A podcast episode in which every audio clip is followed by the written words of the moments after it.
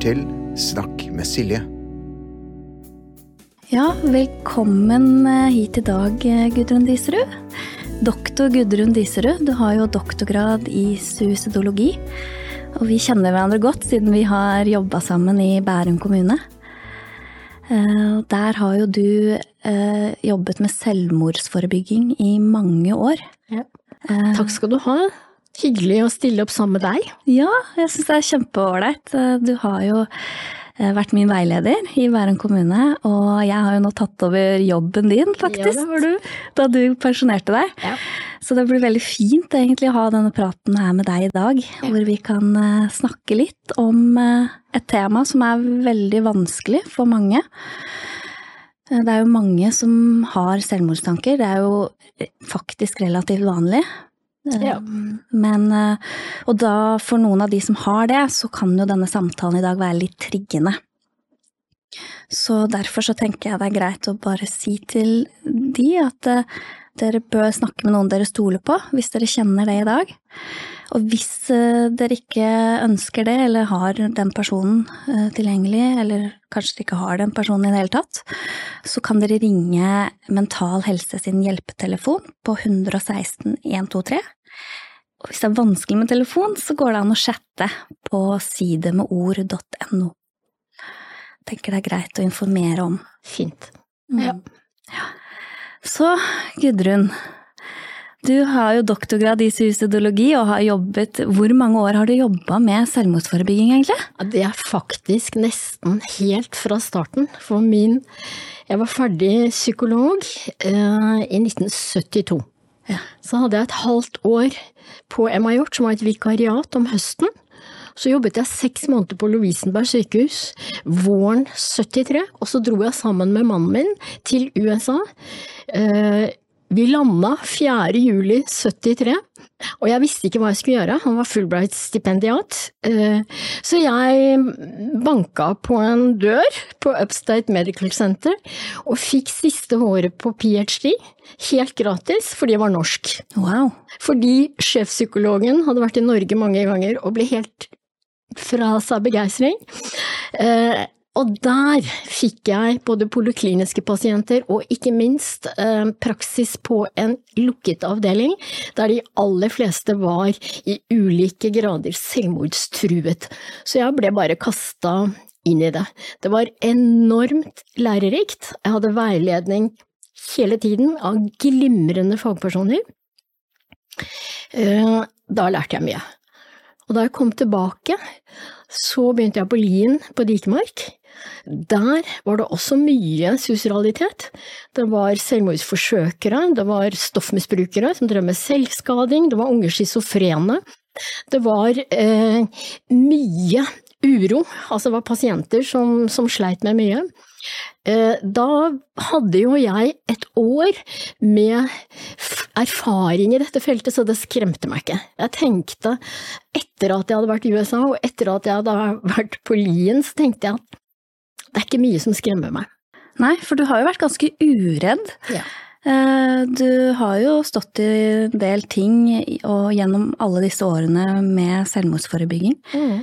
Så hva var det Du, du har jo utviklet en modell ja. som er veldig kjent, verdenskjent. Mm. Bærumsmodellen. Ja.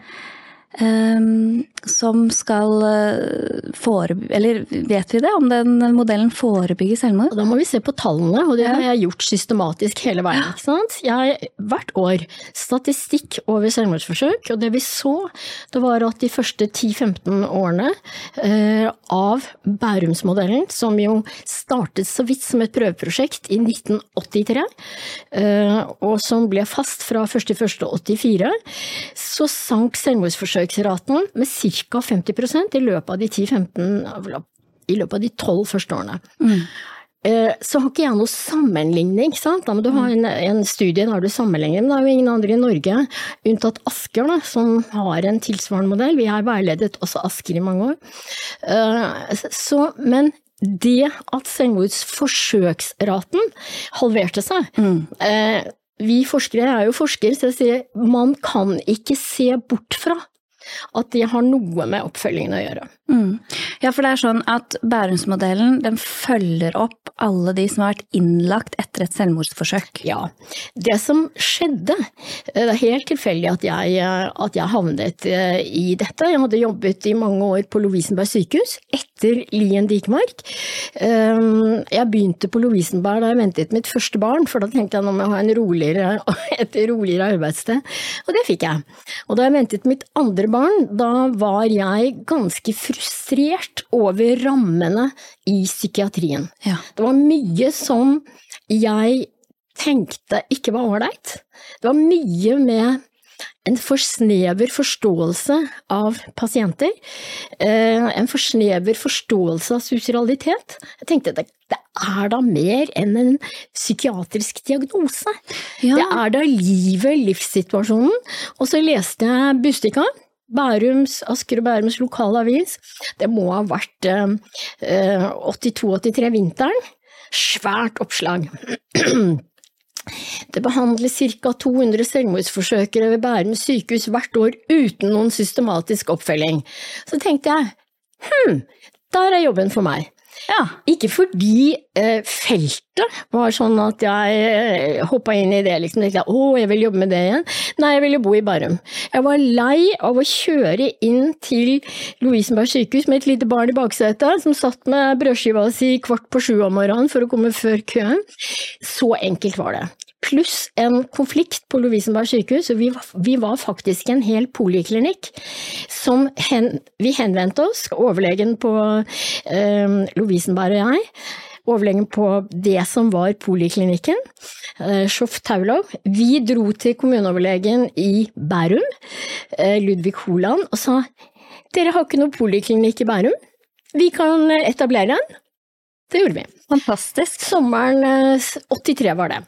Han, han ble kjempebegeistret, skaffet oss lokaler, men han kunne ikke hoste opp lønn på kort tid.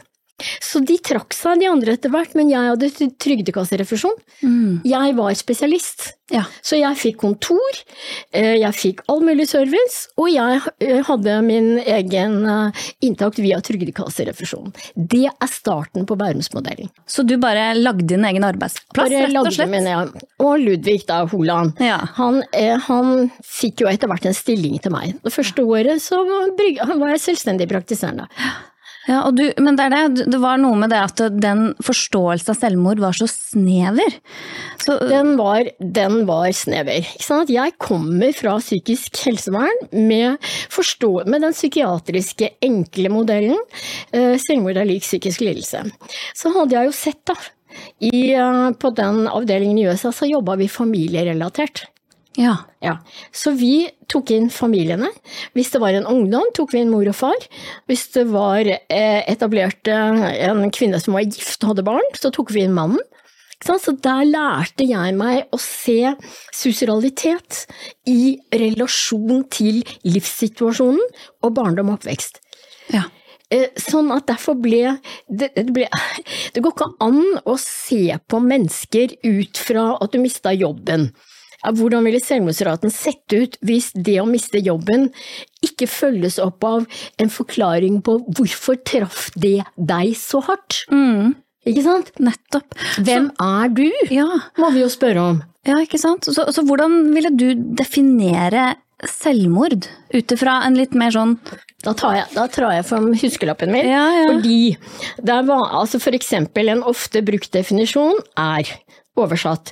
Selvmord er en bevisst og villet handling som individet foretar for å skade seg selv, og hvor skaden har ført til døden.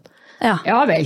Veldig enkel. Ja vel. Det er Stengel, ja. og den står i Retterstø Lekeberg Melum fra 2002, og denne blir brukt hele tiden. Ja, vel, men hvorfor? Nettopp. Så jeg var på et eller annet seminar en eller annen gang på 80-tallet, og der var det en som holdt et foredrag om den amerikanske moderne suicidologiens far, Edvin Schneidmann. Han døde i 2009, og jeg, ble, jeg rakk å bli kjent med han, sånn e-post kjent med han, i de siste årene før han døde. Og han syntes Bærumsmodellen var helt strålende. Ja. Han skriver i 1985, boka fra 1985, Definition of Suicide, for tiden, i den vestlige verden, Det er en kultur her. Er selvmord en bevisst, selvpåført, tilintetgjørende handling? Handlingen kan best forstås som en flerdimensjonell krisetilstand hos et individ med udekkede, sentrale psykologiske behov. Mm. Individet definerer selvmord som den beste løsningen på krisen. Der har du problemløsningsperspektivet, du har det flerdimensjonelle. Det er mange ting som til sammen hos et sårbart individ. Mm. Og alt dette her må vi jo ha med oss. Mm. Så da jeg oppdaget Schneidmann, som bare var fordi en eller annen god foredragsholder nevnte han, så begynte jeg å lese. Ja. Så leste jeg alt han hadde publisert, og så utvidet jeg perspektivet. Ja, ja fordi du har jo på en måte jobbet en del for å forstå hva årsakene til selvmord er, ut ifra et litt mer sånn øh, komplisert perspektiv, da. At, at, det er ikke så enkelt som at det er en psykisk lidelse, og så pga. den psykiske lidelsen så tar du livet ditt. Altså når livstidsrisikoen for diagnostisert alvorlig depresjon eller depressiv reaksjon, som det kanskje heter nå, er ca. 5 mm. Altså, det vet vi. Ja. Det er nyere studier.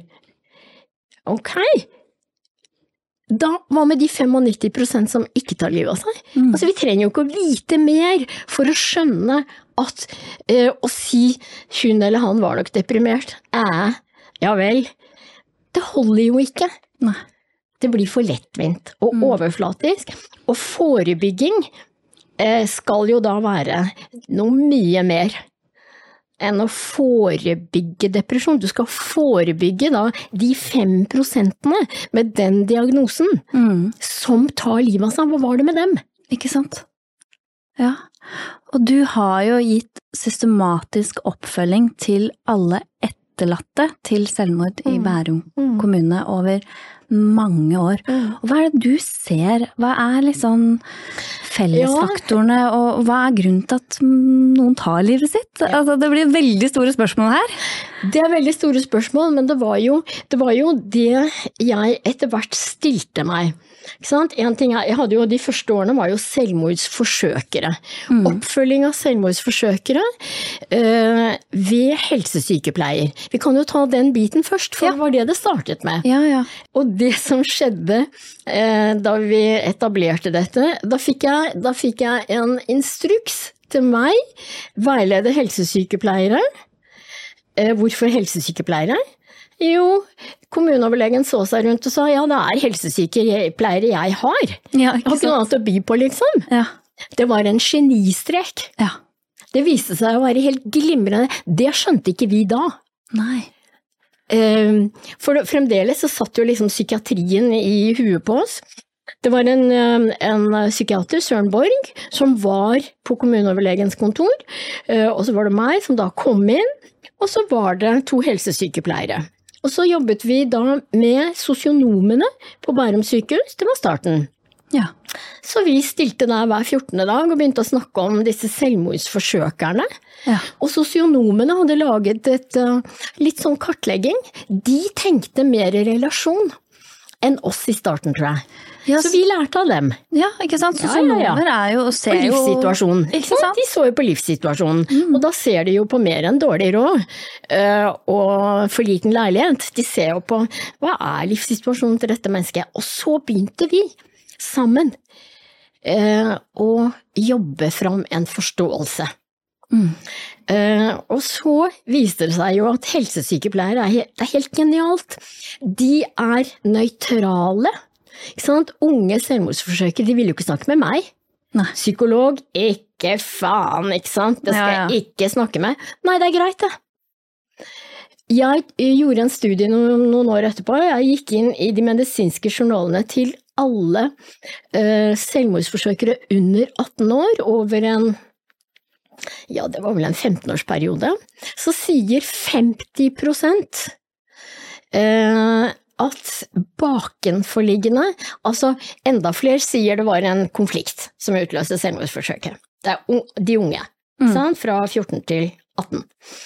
Og så spør jeg, eh, eller så analyserer jeg, jeg spør ikke, jeg går i journalene sammen med en annen psykolog, hver for oss kodet vi, så sier 50% det er forholdene hjemme. Mm. Det er foreldre, enten de er gift eller skilt eller har nye familier eller ikke, som krangler, og den unge selvmordsforsøkeren har stått litt mellom. Dette vet vi jo fra psykologien. Ikke sant? The go-between uh, child. Mm. Barnet som, som, står, av og til som buffer, av og til som budbringer. Dette var bakenforliggende. Det var veldig vanlig å bare se på det som skjedde dagen før. Ja, ikke sant? Det som Kjæresten slo opp. Ja. Og det jeg begynte å gjøre Jeg jobbet jo også med selvmordsforsøkere, det var dealen min med Bærum kommune, jeg måtte ta dem i behandling. Så det gjorde jeg de første årene. Og eksempel en ung jente som kom inn for tredje gang.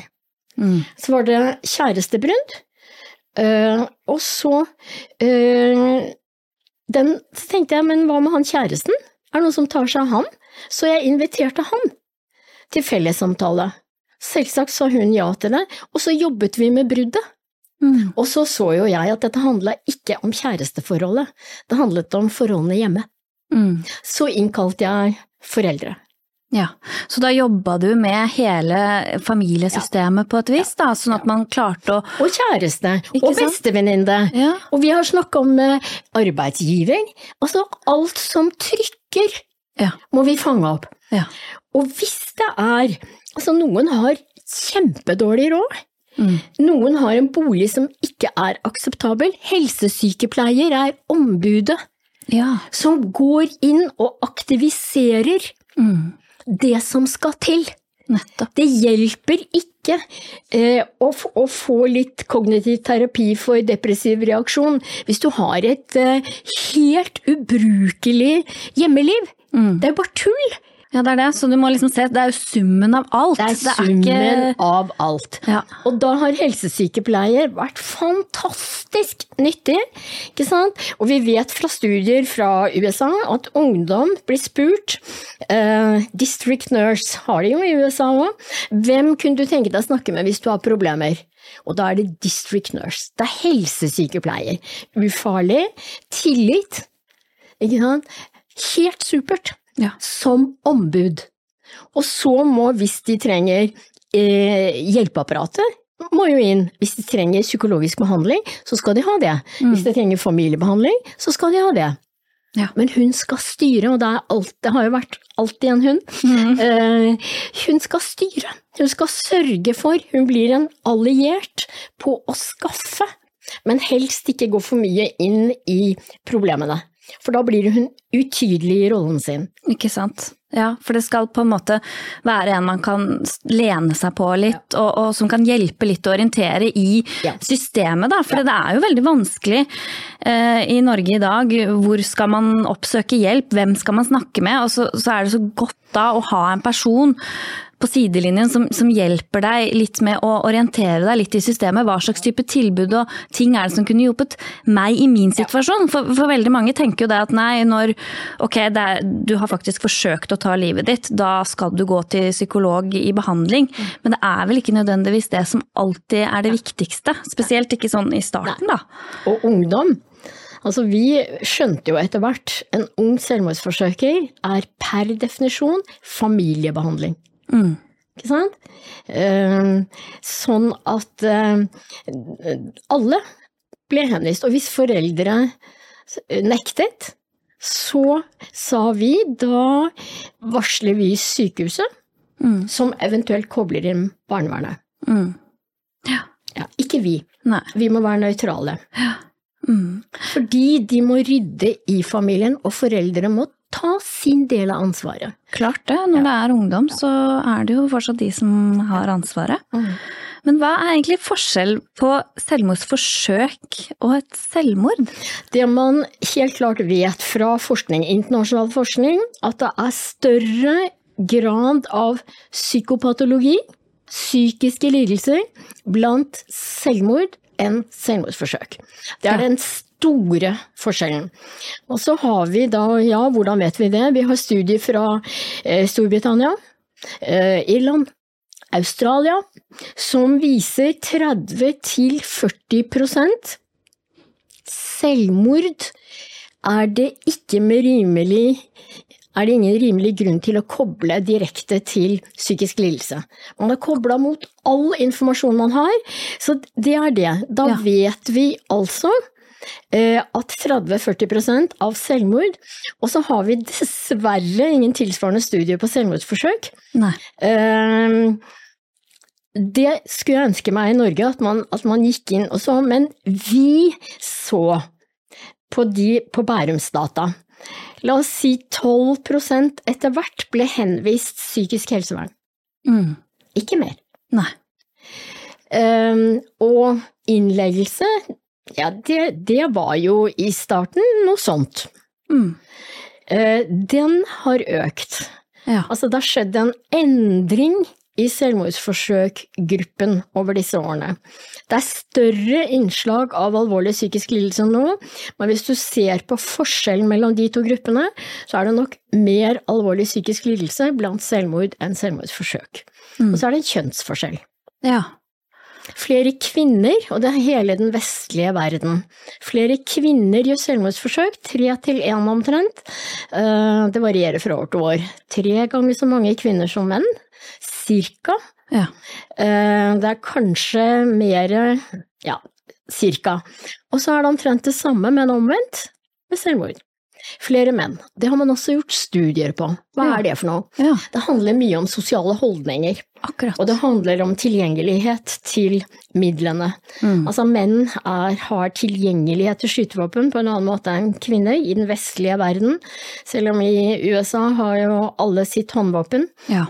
Det var noe av det første vi ble spurt om av, disse, av politiet da vi kom til USA. Hvor er, hvor er håndvåpnene deres? ja, ikke sant? Er håndvåpen Ja. Ja, eh, sånn at bruk av håndvåpen er jo mye vanlig der. I Norge har vi hatt eh, jaktvåpen. Mm.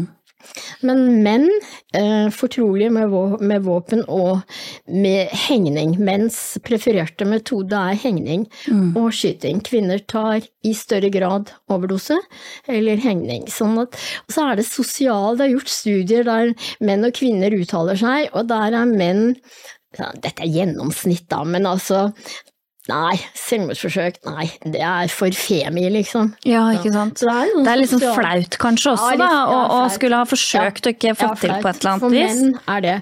Og det ser vi jo også når vi, når vi snakker med selvmordsforsøkere. Vi har jo har snakka med ganske mange hundre selvmordsforsøkere og kartlagt Alle selvmordsforsøkere i Bærum blir jo kartlagt på et eh, skjema jeg har laga for en del år siden. Og noen sier jo at, eh, at de skammer seg. Og de skammer seg ikke over å ikke lykkes, men de skammer seg over å ha gjort det. Ikke sant. Ja. Ja. Men eh, ja, så der har jo eh, vi nå, eller jeg mm. også, følger jo opp etterlatte til selvmord og Ja, så det er den andre biten. eh, Etter å ha jobbet med selvmordsforsøkere i mange år, og vært samlokalisert med folk som jobbet med sorggrupper. Og det var sorggrupper eh, helt ned til barn.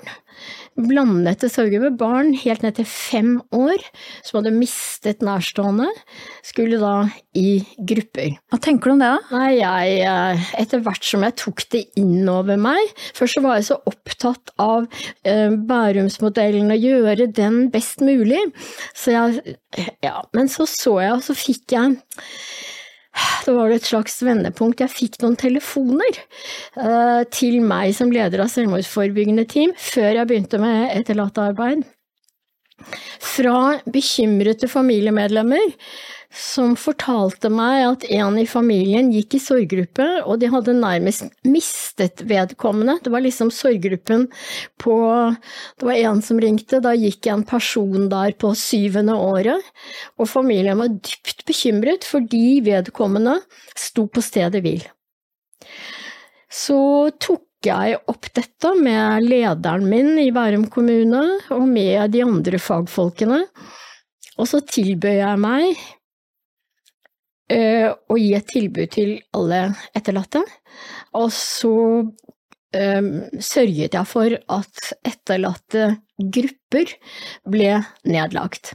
Ja. Samtidig hadde jeg sittet, jeg satt i faggruppen rundt Leve, etterlatteorganisasjonen Leve. Mm. Der har jeg sittet i ganske mange år i eh, en faggruppe. Eh, og så tenkte jeg det å møte andre etterlatte, ja, jeg skjønner betydningen av det. Det kan man da gjøre i en trygg, god setting med andre etterlatte.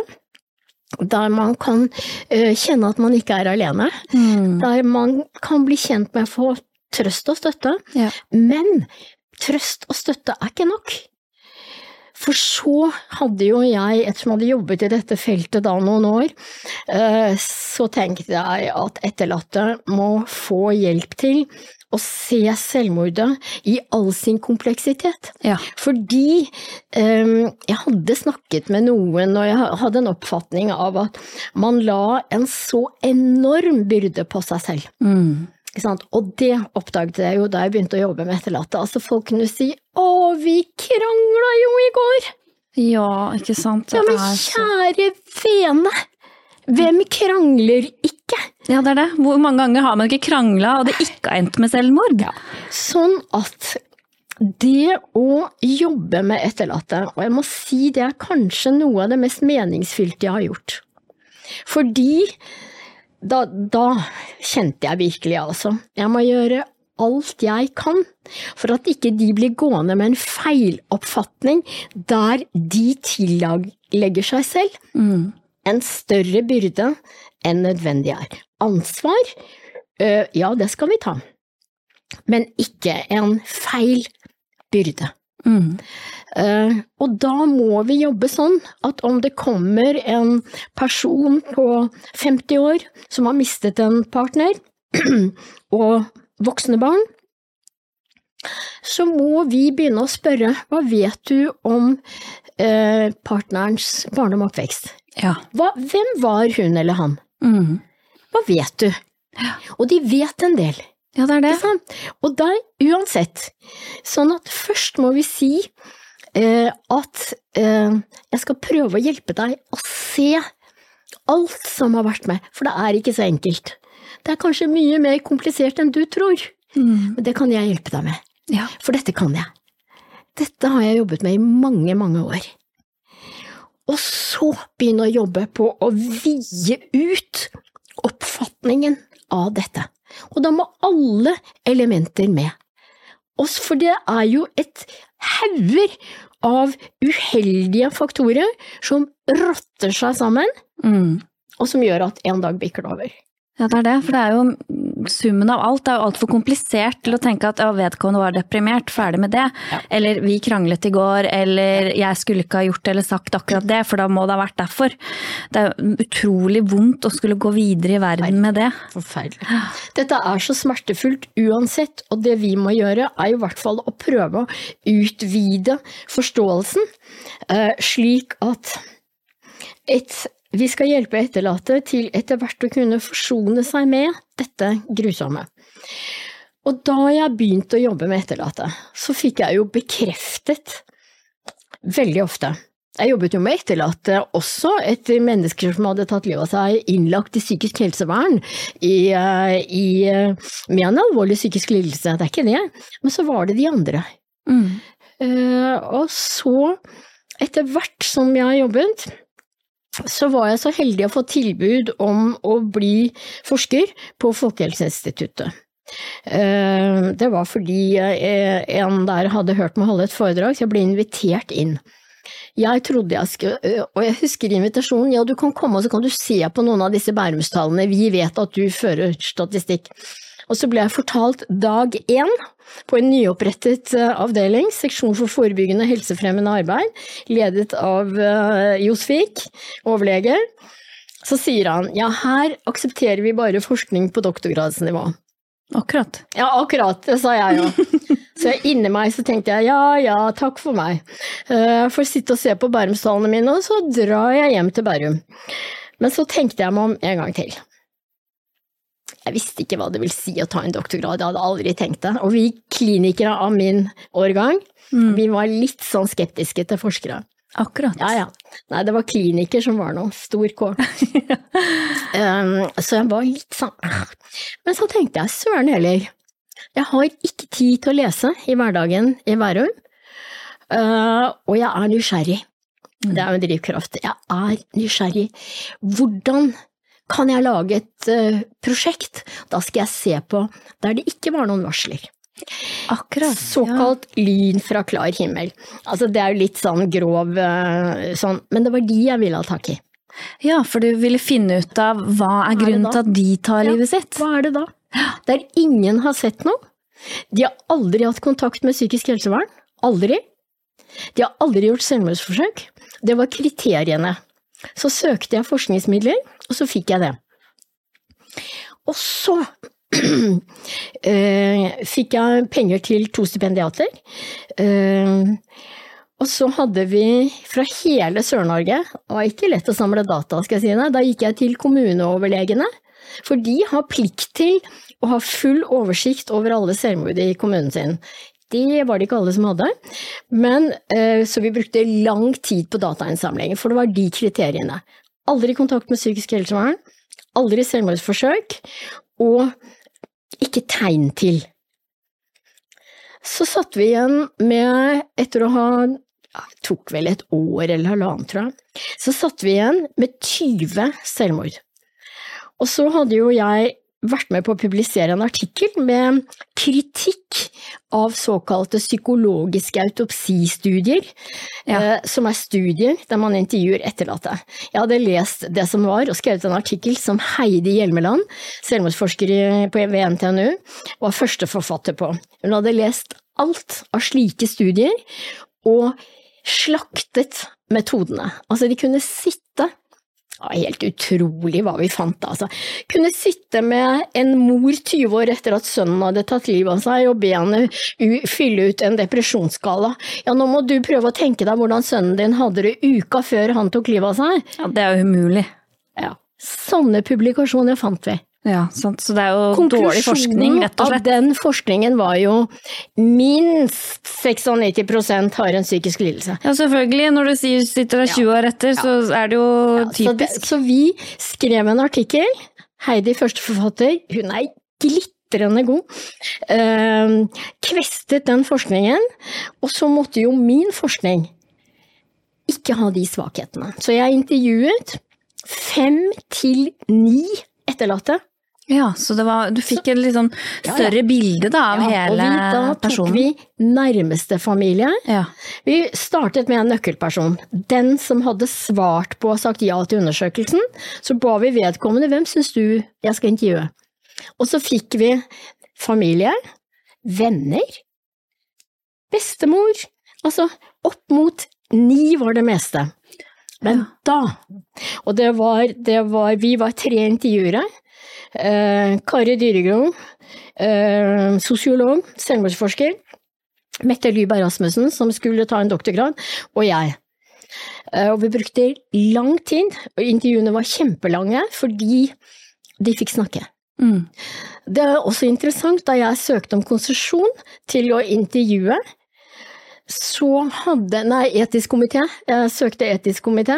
Konsesjon hadde jeg. Uh, og, og, dette var vanskelig.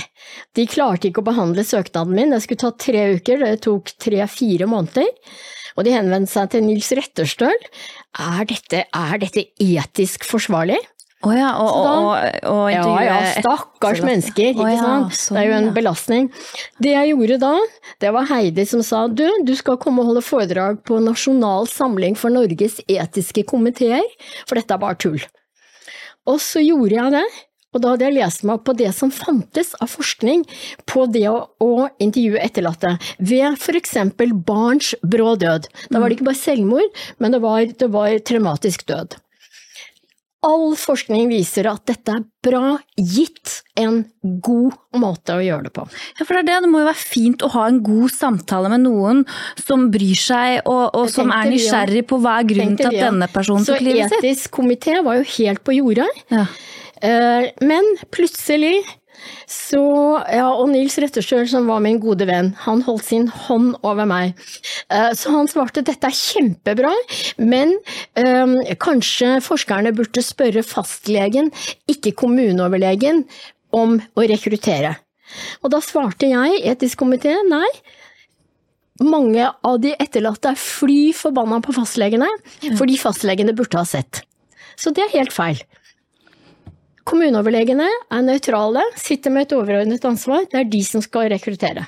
Og de har pondus. Så da ga de seg med en gang. Så jeg fikk det akkurat som jeg ville, og det skulle bare mangle. Dette var gjennomtenkt. Så startet vi å intervjue. Og vi intervjuet 230 etterlatte. Det var helt fantastisk lærerikt. Da så vi det flerfaktorielle. Nettopp. Ja. For da, ikke sant, når du får ulike folk som ikke vet om hverandre, det er bare én intervju av gangen, ikke, ikke familien samlet, for da vet du at noen sitter og sier ingenting, andre dominerer. Nei, nei, nei, én og én. Og så lager vi sammen historiene. Ja, Hva var det dere fant da? Nei, da fant vi at dette var mennesker som var Altså noen, det er jo to doktorgrader. Mette Lyberg Rasmussen på selvfølelse hos unge menn. Eh, og Parvin Kiamaners som så på perfeksjonisme. For selvfølelsen er jo helt sentral. Jeg pleier å bruke et bilde når jeg jobber med etterlatte, som, som du vet, korthus. Selvfølelse som et korthus. Du er flink, flink, flink, flink. Og det så vi. Dette var så flinke folk. Ja. Og det sa jo de etter. Men jeg skjønner ingenting. Han var jo så flink. Hun var jo så flink. Hun har klart så mye. Og vi skjønte jo, altså, hadde han sånne problemer? Skjønner ingenting, jeg. Nei. De var veldig flinke. Ja. Ja. Yrkesmessig, de fleste etablert med kjæreste eller i ekteskap. Flink, flink, flink, flink. Mm. Og så øh, fikk vi jo innblikk i denne selvfølelsen. Ja, gjennom intervju å intervjue de, så så dere Og jo- liksom og, Altså, én sa rett ut om, om, om den avdøde. Han tålte jo ikke å få en stripe i lakken, og det som skjedde før selvmordet var en bagatell! mm. Ja, så det fikk noen til å bli helt vippa av pinnen og ikke se noen annen utvei enn selvmord, da. Ja. Det er jo ganske utrolig. Ja. Men det er ikke utrolig når Nei. du ser bakenforliggende. Når du ser, altså vi vet jo uh, at jeg pleier ofte å bruke Tore Tønne, sant, som er en offentlig uh, helseminister, uh, som under hånden tok opp et stort lån, privat. Og så ble det avdekket. Mm. En million av Røkke, hvis jeg husker riktig. Poenget er, han var utsatt for et mediekjør uten like. Og så kom det jo fram, altså ah, det, var- det, det, det var virkelig Det har fått pressen til å tenke seg om. Eh? For det var helt over Altså, det var helt vanvittig hvordan man skrev om Tore Tønne. Og vi som, som er i bransjen, vi leste jo dette, um, og så kom det fram et bilde av perfeksjonisten Tore Tønne. Eh, Som først hadde én embetseksamen, han var både økonom og jurist eller hva han var, og så eh, sto liksom opp klokken fem om morgenen og, og leste og tok juridikum glitrende. Han var kjempevellykket, og en elsket ektefelle og far, og, og, og en veldig godt likt person. Så jeg syns, jeg syns det er et godt eksempel. Der fikk du mediekjøret, men for mindre kjente personer så er det den derre vellykketheten, og så skjer det et eller annet. En degradering på jobben. Ja. Da kommer det på toppen av å være flink, flink, flink, flink, flink. ja, ikke sant. Så det korthuset da, når Ja. det kommer noe, så Det siste kortet, Ja. Så bare raser alt. da raser alt. Ja. Så det er litt det, når man bygger selvfølelsen litt som et korthus, Ja. så blir det så ekstra sårbart, da. Det blir ekstremt sårbart. Vi vet jo at et korthus kan jo nå et visst punkt. Mm. Hvis du dytter litt på det, så detter alt. Det syns jeg er et ganske godt bilde på disse perfeksjonistene, som Parvin har en doktorgrad på. Um, og, og Mettes eh, selvfølelse. Mm. Uh, og så må du si hvordan blir en selvfølelse sånn, da? Ja, ikke sant? Men det vet vi jo, vi er jo psykologer. Ikke sant? Vi har jo lært hvordan man gjennom barndom og oppvekst bygger en robust eller en shaky selvfølelse, det vet vi mye om. Mm. Så kan vi flette inn, det er derfor det er psykologer som skal jobbe med etterlatte, fordi vi kommer med hele vår kunnskap om hvordan mennesker er snekra sammen. Mm. Og så ser vi dette i lys av den suicidale prosessen, kikkertsyn, når du er som verst presset. Jeg pleier å spørre når jeg har holdt masse foredrag, eh, fordi det er så få som har jobba systematisk med dette, så blir du brukt, og det syns jeg har vært eh, interessant, morsomt. Um, så har jeg pleid å spørre, hvis dere sitter liksom 200 fagfolk i salen, tenk dere nå, den verste situasjonen du har vært i noensinne i ditt liv, hvis du har vært i en sånn, da er det virkelig sånn, hvor mange løsningsstrategier hadde du da? Ja. Og da våkner folk, vet du. Mm. Du har ikke 15 da, Du har jo ikke det. for da er du så presset, og det er da suicidalprosessen leve, lide, dø, der har du den, og så går du til leve, dø, du orker ikke tanken på mer lidelse, og så orker ikke mer. Så kommer det. Mm.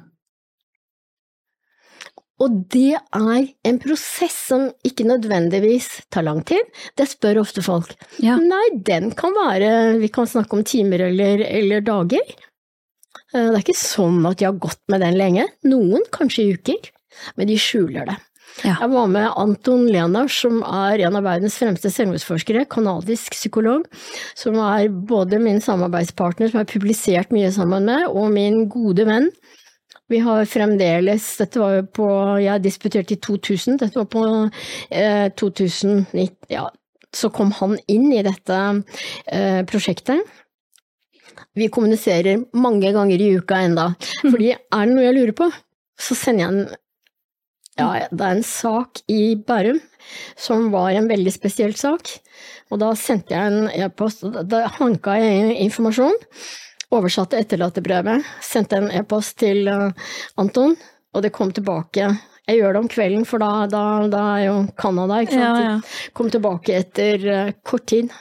Diagnose, hva dette var, for det var en tilstand. Han um, det, det Han har sett på det å skjule, og vi har skrevet en artikkel om å skjule. Ja, ikke sant? For da, da er det jo vanskelig for de etterlatte å, å kunne vite noe som helst. Men vi vet Mm. at når du har selvfølelse som et korthus, altså når du er flink, flink, flink, når du er perfeksjonist, så skjuler du. Klart det. Eh, du vil jo ikke dette, egentlig. Du vil jo ikke tape. Eh, du skjuler. Og det finner vi, vi har analysert dette materialet mitt, da. Um, og der ser vi jo at denne gruppen Husker um, eh, Anton eh, Nei, eh, Edvin Schneidmann skrev en artikkel for lenge siden om at eh, 80 eh, gir signaler, direkte eller indirekte, før et selvmordsforsøk. Anton Lenars var veldig tett knytta til Edvin Schneidmann. Han er lært opp av Schneidmann. Ja. Og så forteller Anton meg en gang, vi snakker om dette her, dette 80 %-tallet, hvor kommer det fra? Og så sier han sånn, nei, Ed, som han eh, Han tok det bare ut av lufta. Å ja. For vi finner i mitt materiale av såkalt lyn fra klar himmelskjermer 80% skjuler. Akkurat. Ja.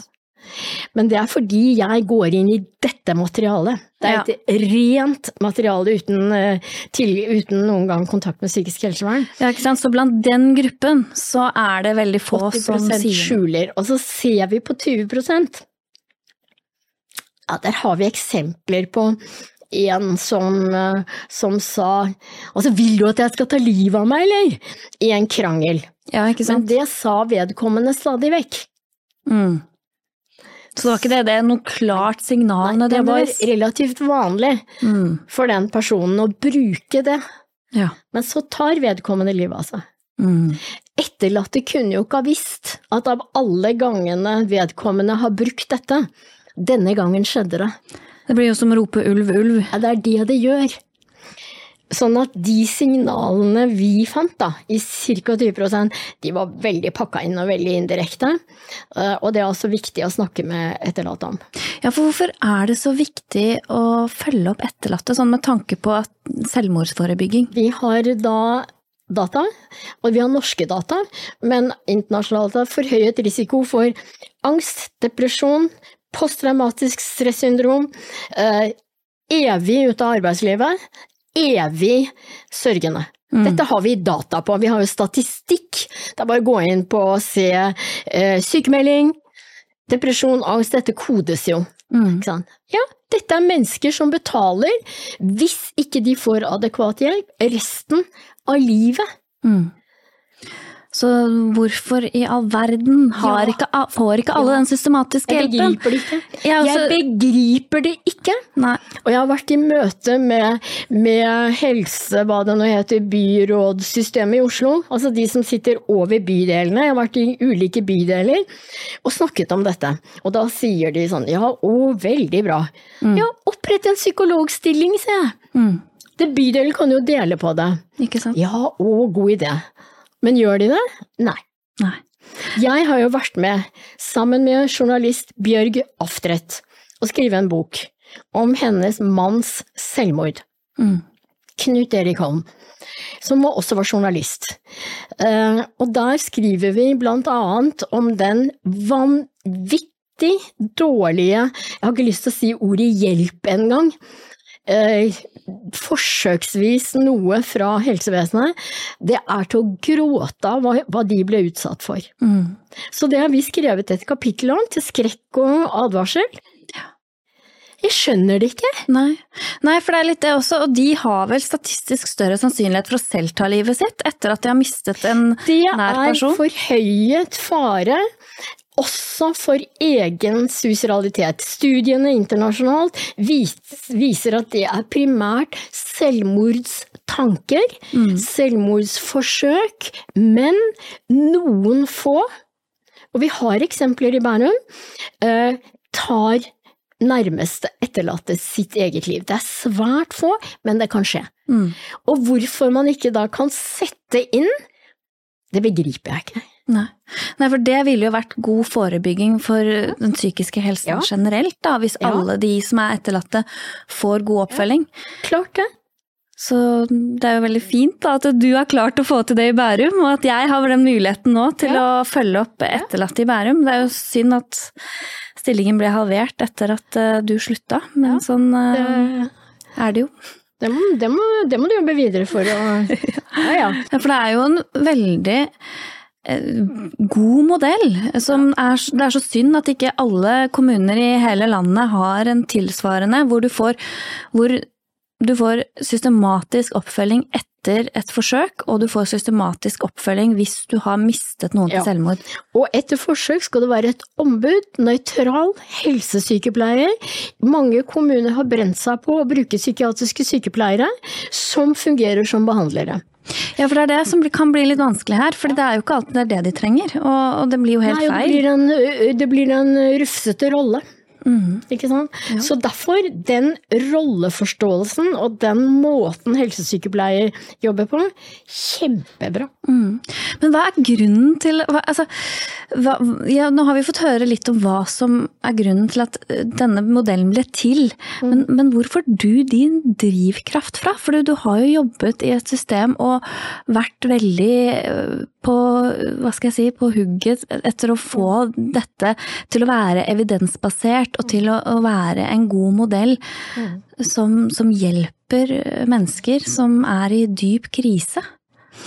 Altså, en ting er hvem jeg er som person, ikke sant. Mm. Og det er, jeg er som alle andre. Øh, oppvokst i et system som nok har gjort meg til en fighter. Mm. Uh, det andre er uh, den lykken lykkelige situasjonen at Josvik på Folkehelsa hørte meg holde et foredrag og sa at den dama, hun skal bli forsker. Eh, takk, Johs. Eh, sånn at da Og jeg er nysgjerrig. Jeg, og jeg er nysgjerrig på livets ytterpunkter. Jeg er nysgjerrig på hva i all verden er det som gjør at problemløsning, sant, som har vært kanskje et menneskes fremste eh, karakteristikum Noen av de som tok livet, sa ja, men han fant jo problemløsning på alt! Skjønner ikke dette? Eh, når det plutselig opphører, da blir jeg nysgjerrig. Ja. Jeg blir faglig nysgjerrig. Og ved at jeg ble stipendiat Det var jo en læringsprosess av Guds nåde. Det var slitsomt, jøye meg. Husker den yngste sønnen min sa da jeg var ferdig, jeg var disputert i 2000, så husker jeg han sa du pappa, nå må vi lære mamma veien til matbutikken igjen, den har hun glemt. Sånn, det var altoppslukende. Ja, ja. Men jeg hadde også Bærum gående. Først jobbet jeg en stund med begge deler. Ja. Så fikk jeg vikar i Bærum i jobben din. Tre år, veiledet. Jeg hadde én dag i Bærum, jeg, eh, i mange år. Fire dager forskning, én dag i Bærum, og sånn holdt jeg på. Jeg kunne jo ikke slippe Bærum. Nei. Nei, nå har du endelig klart å slippe Bærum. nå, er, nå er det opp til deg, Silje. Um, sånn at det drivkraften var jo glede over ny læring, glede over å skjønne. Ah, nå ser jeg. Å lese meg opp på både psykiatriforståelse og det flerfaktorielle. Å være på de internasjonale europeiske selvmordskonferansene, og jeg var så heldig at jeg har vært invitert til Oxford Suicide Prevention Center, både den psykiatridelen og psykologidelen, flere ganger, og snakket om dette. Kjempe, og ble venner med.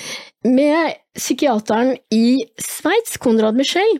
Han var en av de første som holdt et foredrag, og jeg husker hvor det var, Slovenia, Bledd, fantastisk sted.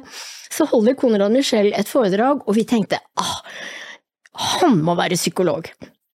Det sto sikkert ikke i- programmet, det sto sikkert at han ikke var det, men så gikk vi bort til han, er du psykolog? Og så lo han rått, og så, og så sa han, ja, det spør alle om. Nei, jeg er psykiater. Konrad, Michel og jeg holdt kontakten i mange år, og han etablerte noe som het ASHI-konferansene, som var inviterte folk fra hele verden. Eh, som, det var bare en liten gruppe. Og jeg var så heldig å bli invitert dit, for dette er noe som ikke folk har fått til andre steder. Og jeg har jobba i helsevesenet i USA, jeg vet jo hvor håpløst det er. Det er jo et privat helsevesen. Ja. Sant? Du har jo ikke noe mulighet til å etablere noe sånt der. Storbritannia. Eh, Christabel Owens, som har skrevet en artikkel eh, der hun ser på utenfor psykiatri selvmord, eh, og hun sier vi, vi hadde jo ikke klart det i USA. Nei. Nei, så det liksom Nei, det, i England. ja, så det er liksom de relasjonene du har, og den nysgjerrigheten din, da, Ja. som får deg til å utforske sånn Ja. ordentlig og grundig, da, Ja, ikke sant? At Og grundig. Dette skal ikke være synsing. Jeg er veldig grundig av meg. Mm. Eh, på alle mulige måter. hva er grunnen til det, da? Nei, det er fordi det var veldig rufsete hjemme i min oppvekst. Jeg Mm. har tatt lærdom av det. Uten at jeg skal gå inn på det, så, så var det vel noe om at jeg skjønte på et tidlig tidspunkt at skulle jeg overleve, eh, så måtte jeg ordne opp selv. Mm. Så jeg, jeg har ikke Altså, det er dyrekjøpt lærdom. Mm. Det er ikke noe jeg har kommet eh, seilende på ei fjøl. Nei, ikke sant. Så du har virkelig lært at ok, jeg må gjøre det sjøl, og da må jeg gjøre det grundig, og da blir det bra. Ja. ja, da blir det bra. Det vil Ja, vise det ble seg. jo det, da. Jeg visste jo ikke det i starten, men, men jeg, mm, for å overleve Ja. i, i min oppvekst, så måtte jeg gjøre det meste selv. Mm. Skjønte jeg, heldigvis. Ja. Heldigvis så skjønte jeg det på et tidlig tidspunkt. Det var ikke noen å lene seg til. Og sånn er det jo mange barn som har det. Jeg er ikke alene om det. Eh, Men, men du kan si at um, det er jo en, en lærdom som gjør at jeg på en personlig måte kan forstå hvordan det er å vokse opp uten genuin omsorg. Mm. Jeg vet noe om det. Ja, ikke sant. Så det, du har jo kanskje hatt et hjerte også for Ja. en del av de Ja. som har forsøkt, Ja. og også har tatt livet sitt, og ser det at det er Du, du, du, blir jo den du er øh, gjennom hele livet ditt, ikke sant? Og alle de erfaringene du har opp igjennom, har jo noe å si for for hvem du blir som voksen, men også da både de styrkene, da, men òg den sårbarheten som, som gjør at noen også kan finne på å ta livet sitt, rett og slett. Jeg kan forstå det. Jeg hadde vel mitt første tanke om at jeg ikke orket mer. Det var i tenårene. Um, og det jeg gjorde, var at jeg gikk ut på isen på Glomma og håpet at isen skulle gi etter. Jeg vet ikke hvis det hadde skjedd, om jeg da hadde kava meg inn på land. Nei. Det vet jeg ikke. Men, men, jeg er ikke fremmed for å tenke at livet er så vanskelig at jeg vet ikke om jeg orker dette. Mm. Og så har jeg snudd det til at da får jeg gjøre Så det er klart at dette feltet det var tilfeldig, da, for jeg ville bo og jeg ville ha jobb i Bærum. Det er nå én ting, men, men, jeg har jo hatt tanken selv, og det, sånn at det er ikke fremmed for meg. Nei.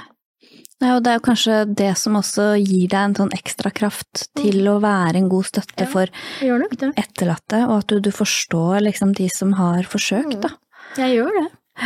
Og det er jo en veldig sånn eh, Jeg tenker jo det, det, det gjør jo at det, det, blir noe menneskelig ved det, på en måte. At det, det, er ikke bare tall og forskning, det er jo også en eller annen sånn genuin følelse som du har med deg. Helt klart. Jeg engasjerer meg medmenneskelig veldig fort. Mm. Ja, det merker jeg jo. Jeg kjenner deg jo. Jeg er glad i folk. Jeg blir ja, fort glad i folk. Ja, ja. ja. Så det, det, er så fint, og det Ja. Så, men, men, det er det, så Men hva er det, hvis vi liksom tenker på de som har tatt livet sitt, og så skal hjelpe de etterlatte til å liksom forstå hva som gjør at man kan forlate mennesker man er glad i? Ja, godt spørsmål. Ikke sant? Og det er da vi må snakke om den suicidale prosessen. Tunnelsynet. Ikke sant? Og da må vi forklare folk rent tankemessig så snevrer man inn når man har det som verst. Så snevrer man inn, det er ikke det at man ikke er glad i, men så kommer den destruktive tanken for noen. Vi vet det fra etterlattebrev, men det er jo ikke alle, det er noen og 30% som etterlater seg brev, men fra etterlattebrev, og også fra folk som hadde ment å dø, men som overlever. Det er jo noen som gjør det òg. De, også på et eller annet punkt så kan tanken komme, jeg er en belastning, de er bedre tjent uten meg. Mm. Og da snus jo den kjærligheten til noe helt absurd. Jeg, jeg må. Og så er det jo noen som kanskje har gjort ting, økonomi, andre ting, som blir avdekket der skamfølelsen er så stor at selv om eh, det er ikke det at kjærligheten er borte til de nærmeste, og, og, ikke minst til sine barn, men da tenker man jeg kan ikke leve med dette. Jeg skal beskytte mine barn mot å leve med en sånn mamma eller en sånn pappa. Ja. Så det, det, er mange faktorer som kommer inn. Mm. Ja. Så det er liksom det at uh, man tenker at man gjør de etterlatte også litt en tjeneste ja. ved å ikke være her mer, på et eller annet vis? Da. Ja, ja, ja. De er bedre tjent uten meg, er ordbruket vi av og til ser. Jeg vil ikke være en belastning. Og så glemmer de da at det er en sinnssykt belastning for de etterlatte å miste noen til selvmord. Ja, du kan på en måte ikke kreve, tenker jeg, av en person som står på stupet, mm. og som skammer seg, og som har en kognitiv innsnevring der det ikke er noe igjen. Mm. Ikke sant? Du, du kan ikke tillegge en person refleksjon som du har når vi vi to sitter her godt avslappet i en hyggelig samtale, det blir feil. Mm. Jeg må ta, jeg må ta vi, vi, må forstå hvilken desperat situasjon en selvmordstruet person kan være i. Nettopp. Så det er litt det at man må, så, som etterlatt, da, så må man minne seg selv på det. At, at det var ikke det at de ikke var glad i deg. Ja, og men... vi skal forklare det. Det er derfor de skal få psykologhjelp. For vi kan forklare dette, både med psykologisk teori og med suicidologisk teori. Kan vi forklare det? Mm. Dette vet vi, Nettopp. kan vi si. Vi har kunnskapen. Mm. Her skal du få den. Mm. Og så må man jo på en måte kjenne på det og tro på det som etterlatt, da, at de var i en Det er avhengig av sånn, deg. Ikke sant? Og meg. ja. Og alle andre psykologer ja, som vi, følger opp. Ja, ja andre, andre, som følger opp, men, men, nå snakker vi om psykologoppfølging, for jeg er så mm. opptatt av at så få får det. Fordi eh, det, den kunnskapen den må være så grundig, og da kan vi bruke den på riktig måte til den vi snakker med. Mm. Fordi i en del sånne uh, sammenhenger der folk sitter i grupper, så får du generell kunnskap. Ja. Det er ikke sikkert treffer i det hele tatt, for jeg skal sitte med en person, og vedkommende skal jeg treffe. Mm. Ja, for det er det, fordi du, du må jo snakke med den personen og hjelpe de ut ifra sitt perspektiv, og ut fra hvordan den personen kjente den som er død. Ja. Og, og få, liksom, eh, få de der brikkene på plass, da, så du får et mer sånn helhetsbilde av hva var grunnen til at akkurat denne personen tok livet sitt akkurat da. Og på hvilken måte kan jeg formidle det til akkurat deg, Nettopp. slik at du kan forstå det og integrere det. Vi vet jo hvor forskjellige mennesker er, Ja. så du og jeg, vi må skru antennene våre. Skal de være på plass med en gang det kommer et nytt menneske? Eh, og etter hvert som jeg har jobbet med dette i så mange år, så er det fort på plass. Mm. Eh?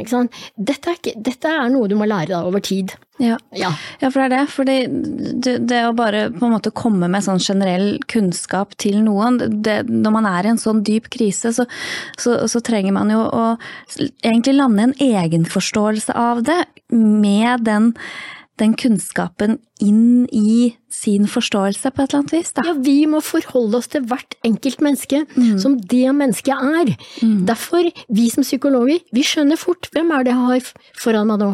Er det en som er så full av motvilje mot å ta inn noe som helst? Er det en som er så fly forbanna på den som tok livet av seg, at vi må først jobbe med sinne?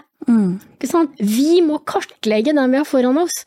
Hvordan kan vi komme til den forståelsen? Det er ulikt fra person til person, det. Ja.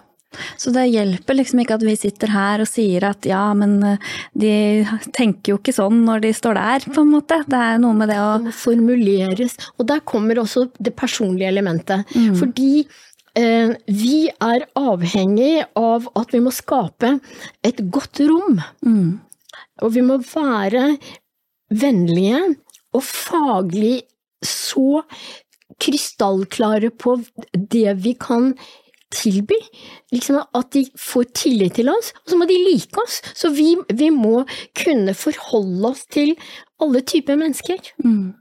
Ja, det er, jo, det er jo det vi psykologer eh, er nødt til gjennom hele arbeidslivet. Å, å prøve å forstå den andre så godt vi kan fra innsiden. Ja.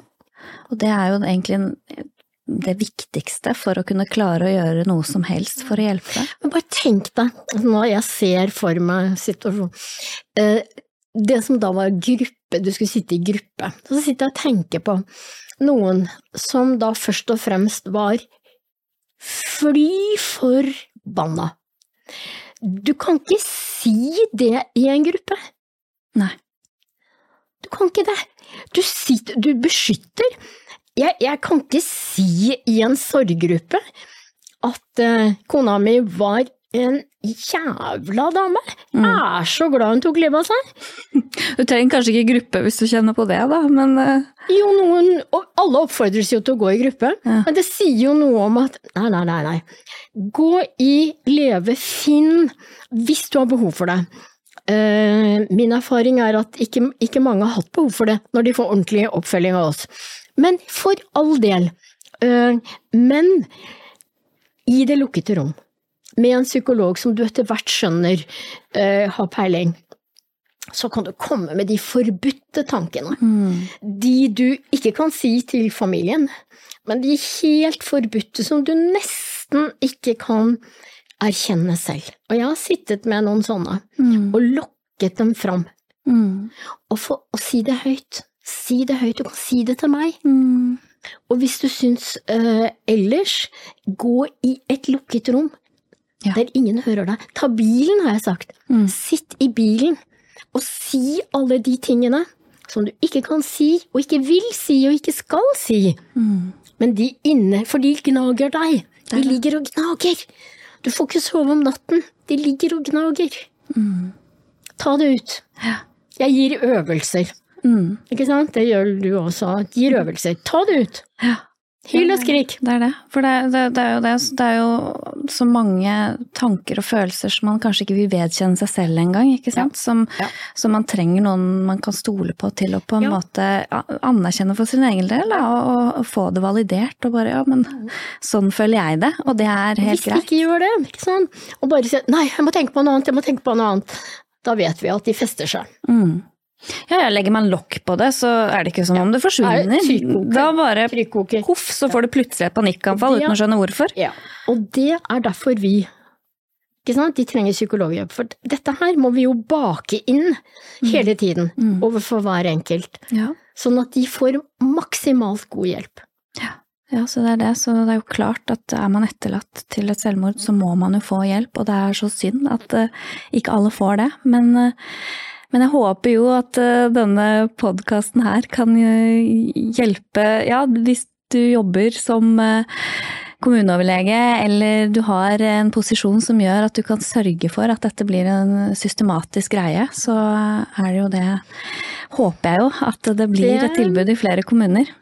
Jeg, jeg har vel etter alle disse årene gitt opp det håpet, men Ja, i hvert fall i noen flere kommuner, kan vi jo håpe. ja, da. det Eller, det har ja, ikke sant. Men så sier du jo noe om det der med um, Du sa det i stad at ja, det er jo noen selvmordsforsøk hvor du vet at de absolutt ikke hadde øh, at, um, at ikke At de ville ta livet sitt, liksom. Men er- tenker du at det er noen forsøk hvor man ikke ønsker det, på en måte? Det, Godt spørsmål igjen, Silje. Eh, ambivalens. Ja. De aller fleste selvmordsforsøkere er ambivalente. Skal, skal ikke. Vil, vil ikke. I mitt doktorarbeid så jeg hadde en intervjuguide på 80 sider, og alle sa du kan ikke spørre selvmordsforsøkere så mye, det går ikke.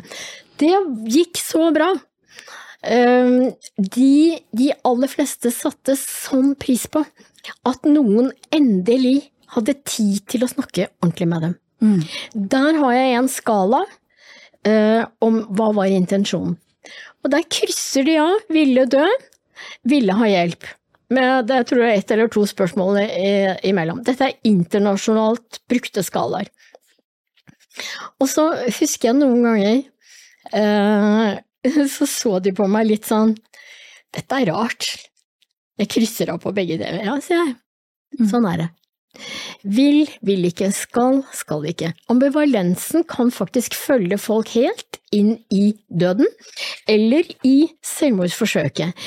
Jeg husker i sin tid så lærte jeg at det er kanskje én av hundre som har bestemt seg av en selvmordsforsøker, um, og, og der, det, der det var meningen, Akkurat. men som da overlevde av en lang grunn. De aller fleste holder døra eller porten litt åpen, ikke sant? men kan ha tenkt 'nå orker jeg ikke mer'. Men likevel, og du ser på Bærum sykehus, alle selvmordsforsøkerne som kommer inn, får jo tilbud om oppfølging i en eller annen variant. Noen til oss, og de aller fleste sier jo ja. Altså eh, er det en åpning for, men ambivalens, igjen, er ikke det vanlig, da? Mm. Altså, hva skal du ha til middag i dag? Mm. Jeg er i hvert fall ikke sånn som da øyeblikkelig vet hva jeg skal ha til middag. Jeg er ambivalent hele tiden. Jeg vet ikke, jeg gidder jeg å lage middag, eller skal jeg lage noe? Orker ikke. Sånn. Ambivalens er jo en menneskelig egenskap. Den er til stede. Ja, så det er litt det. Du kan både ønske å dø, men også ønske å få hjelp. Også, Ikke noe problem at det går hånd i hånd. Ikke sant? Det, det handler om å være menneske. Ja. Og det er litt sånn, ja, enten så dør jeg, eller så får jeg hjelp, da.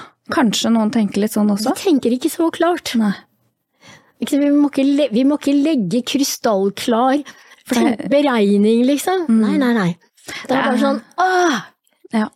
Ja, det er det, for det er jo ikke klare tanker. Det er ikke sånn at man, man setter opp et skjema, og skal jeg dø, skal jeg ikke dø, liksom. Forskning kommer jo etterpå, Mm. ikke sant? Og da, men vi vet jo at ambivalens er til stede. Og når folk da øh, tenker tenker begge det, er du helt skrullete, eller? Da må, vi, da må vi med en gang minne på hva som er menneskelig. Ja, klart det. Ambivalens er menneskelig. Masse her er bare menneskelige egenskaper. Og vi vil, så går det over styr. vi vil jo ofte flere ting samtidig. Og det er jo ikke alt alltid tydelig hva står øverst på lista, liksom. Nei. Nei, Nei. Nei. så vi mennesker er jo veldig kompliserte, da. Vi er jo det. Og det er derfor det aldri er noen enkel forklaring, verken på selvmord eller et forsøk, men også de reaksjonene etterlatte får i ettertid. At det er litt sånn Alt er jo menneskelig. Ja. Og ja. Ja, Gudrun.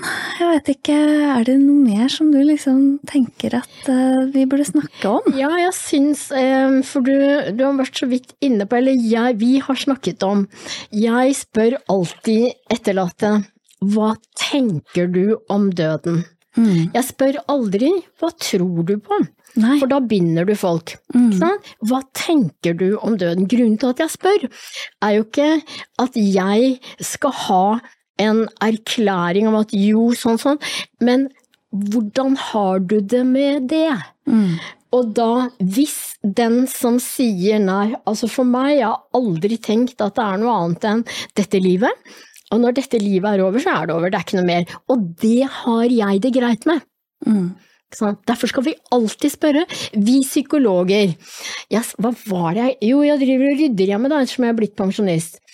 Og så fant jeg eh, noen notater fra Kanskje det var det siste kurset før jeg ble spesialist. Men psykologer skal liksom ikke snakke om tro, skal ikke snakke om religiøsitet. Vi skulle selv på Lovisenberg, Mm. som jo er en diakonal instans, eh, der diakonissene styrte, og mange av sykepleierne var jo utdanna på Lovisenberg. Eh, Men vi psykolog, eh, psykiaterstanden, vi behøvde ikke å bekjenne oss til den kristne tro. Nei. Det var pussige greier, altså. Men, men så vi Det skulle ikke vi snakke om. Det er jo bare tull. Det er jo bare tull. Ikke sant? Det er jo en del av det, og, og når du har opplevd at en nærstående har tatt livet av seg, så er det klart vi må snakke om eh, døden. Ja, selvfølgelig. Eh, men det skulle ikke vi før. Det, å nei, nei, nei, det tilhører Da får de gå til en prest. Bare tull. Men hva tenker du om døden? Fordi det er også en del vi må Altså, noen sier jeg går på graven hver dag, for der kan jeg snakke med han eller henne. Uh, og så andre Ja, altså, folk har Og vi er bare ute etter hvordan har du det med det? Mm. Og så må vi jobbe litt med hvis en blir gående på graven hver dag, måned etter måned, for vi skal stå der over tid, så må vi jobbe litt med det. For vi skal forebygge at man setter seg fast. Ja. Det er ikke noe god ting å sette seg fast. Mm. Eh, Og da må vi snakke om hva er det du tenker er vedkommende til stede bare der? Mm. Altså jeg har mange sånne Ja. Undrende spørsmål. Er det, er det sånn det er, liksom? Mm. Er det det du tenker? Tenker du ikke at du kan snakke med vedkommende når du står på kjøkkenet? Nei, ikke sant. Jeg, jeg skjønner ikke helt dette her. Nei. Vi er åpne, undrende, og hjelper folk til å falle til ro. Ja. Men du som har jobbet med ja, egentlig død da, over Mm. så mange år, har det gjort noe med ditt syn på død? Nei, det, det har jeg jo tenkt på etter at du uh, spurte meg. Så har jeg tenkt, mitt forhold til døden har jeg nok hatt hele livet. Uh, og for meg har tanken på at det er noe mer enn dette livet vært fra jeg var ganske liten, eh, så, hadde, så hadde jeg tanke om det. Og um, det var en trøst i min oppvekst.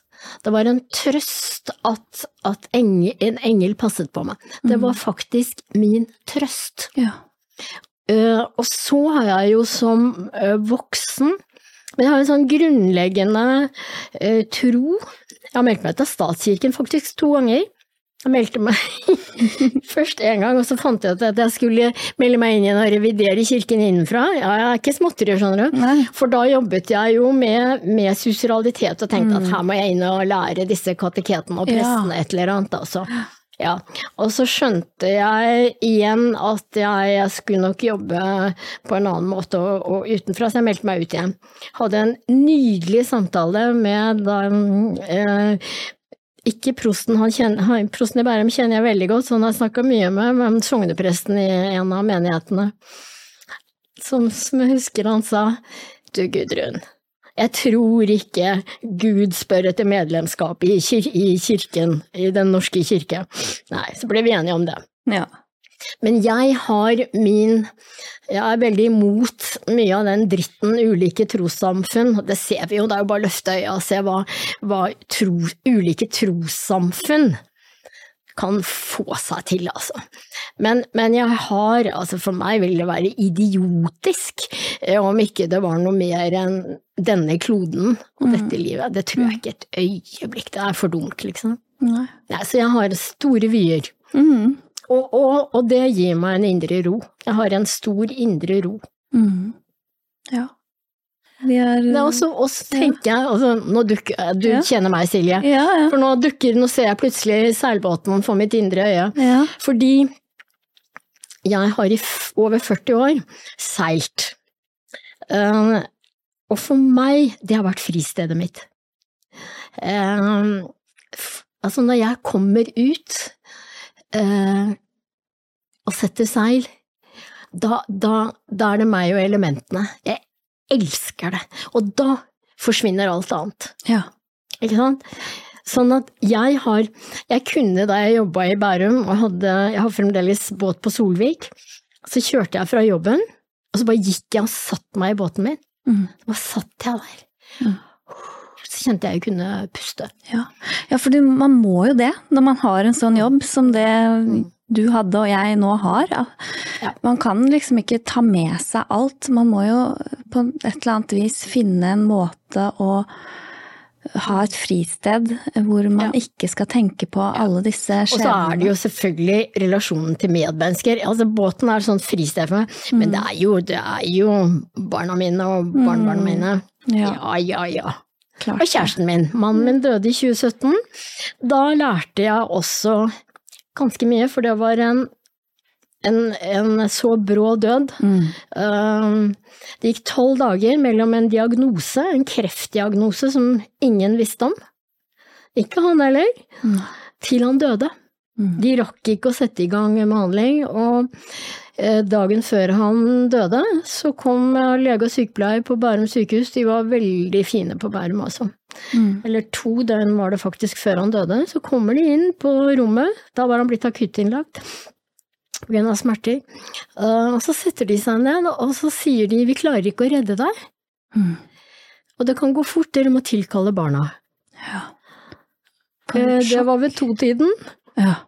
Og vi tilkalte jo barn, svigerbarn. Ikke Da hadde vi ett barnebarn, og hun var bare to år. Uh, elsket forfaren sin. Mm. Uh, og så beste, En av bestevennene satte seg i bilen i Kristiansand og rakk fram. Så mistet han bevisstheten ved halv elleve-tiden om kvelden og våknet ikke igjen. Mm. Så vi hadde en halv dag, vi. Ja, Hvor du fikk tatt farvel, på en måte. ja. Um, så jeg vet noe om den tilstanden man kan komme inn i. Vi var jo helt sjokka. Klart det. Jeg var jo helt på siden av meg sjøl. Mm. Ja. ja, det er jo det man opp... Altså, det, er jo, det, det, er jo, veldig vanlig når man ja. opplever at noen brått dør helt ja. uventet. Ja. Nei, det var um, Det var jo en uh, veldig spesiell og helt forferdelig. Barndomskjæresten min, vi hadde vært kjærester siden vi var 13. Mm. Ja, tenk og han ble 71. Mm. Ja. Men jeg har vært så heldig å treffe en ny mann. Jeg har det veldig bra nå. Mm. Sånn, sånn at jeg har opplevd brå død, relativt dyp sorg, og i min barndom og oppvekst døde alle besteforeldre og tanter og hele mm. smala i løpet av en tiårsperiode, og faren min, eh, da jeg var ganske ung. Ja. Så jeg, jeg, har opplevd mye død, mm. uh, og har et veldig rolig forhold til døden. Ja. ja. Så bra. Men hvis vi liksom går litt tilbake igjen til hvordan det var å være deg da som liten. Du har jo klart deg veldig bra da, med tanke på alt det, og er det noen, er det noen relasjon du hadde da som mm. var litt sånn beskyttende, kanskje? For det er jo det man... så fint at du spurte om det! Ja. Det har jeg tenkt mye på. Ja. Og så tenker jeg, som ganske liten så dukker en tante opp, men hun bodde ikke der vi bodde. Da jeg var fem år, flyttet vi fra Stavanger til Gressvik utenfor Fredrikstad. Da var jeg fem år. Eh, da var det en nabo. Mm. Vidunderlig nabo. Eh, og så var det mødrene til bestevenninnene mine. Jeg tenkte jeg fikk altså så mye omsorg Mm. fra nærmeste nabo. Eller nærmeste naboer, faktisk. Jeg var mye hos eh, venninner. Og så kom en tante med jevne mellomrom på besøk. Hun, hun er veldig Hun ga meg en om... Jeg hadde to tanter og en onkel. Tante og onkel ett sted, også denne tanten som var alene.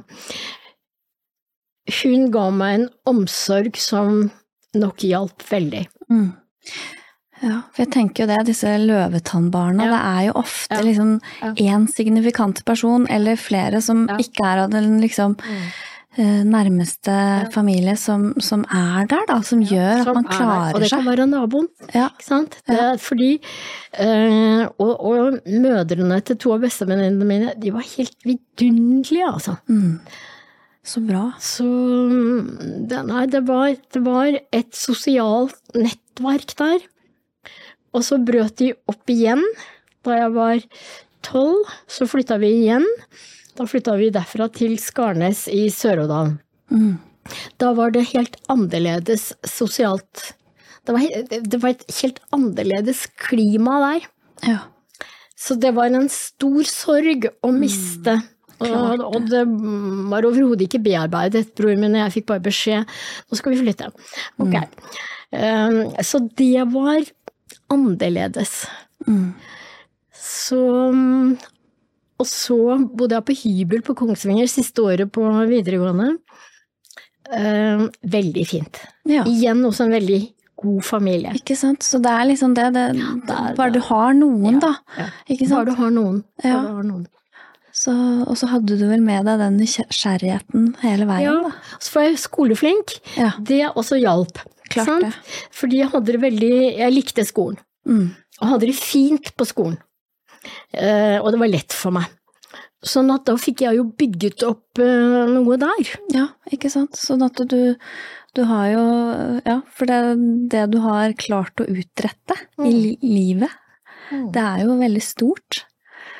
Tenker jeg. Altså, den Bærumsmodellen Ja, er jo internasjonalt anerkjent, og du har jo hjulpet så mange mennesker. Tenk på det, Gudrun. Alle de etterlatte, og ikke minst alle de som har forsøkt å ta livet sitt, som takket være deg har fått god oppfølging i etterkant. Det Ja, jeg vet ikke om du kan klare å ta inn over deg alt det? Nei, jeg har liksom bare jobba, jeg. Ja, ikke Men, sant? men, men nå som jeg nå eh, er ute av det, Mm. så, så har jeg punkt én en god følelse, for jeg vet jeg har gjort mm, så godt jeg kunne, og så har jeg en god følelse for at du har tatt over. Takk. Ja, jeg har store sko å fylle og skulle føre denne skuta videre. Det klarer du. Ja, jeg håper, jeg håper Ja, det, virkelig. ja. Du, og du har jo på en måte Ja, du har jo gjort en jobb der også. Og, og klare å, å eh, hva skal jeg si, lære opp meg til å skulle fortsette det arbeidet du har starta. Du har du har det der gode vesenet ditt. En ting, ja, kunnskap, det må man ha. Det har du. Men du har det gode vesenet ditt. Og du er Jeg har jo veiledet deg nå i en del saker, og jeg ser jo med en gang hvordan du lytter til den som kommer. Og tuner deg inn til den som kommer, og er ordentlig engasjert. Det er ikke utapå. Nei, nei, jeg er kjenner jo det. Jeg Ja, får jo ja. hjerte for alle Ja. de som kommer inn til meg, og det er jo derfor jeg også kan synes det er litt vanskelig noen ganger å skulle koble av etterpå, for Ja. du, du, du, du bryr deg jo om alle som eh, kommer inn. Så Det er slutter du aldri med. Nei, det Vet er du det. hva? Jeg, her en dag for noen uker siden, så plutselig så dukker det opp en. For mange, mange, mange år siden. Jeg hadde han på Lovisenberg, eh, og han tok livet av seg lenge etter at jeg sluttet. Mm. Ikke sant? Plutselig. Å, hva var det Det var jo mange år siden jeg hadde snakket med han, men jeg ble så glad i han. Ikke sant? Uff, hva skjedde med han?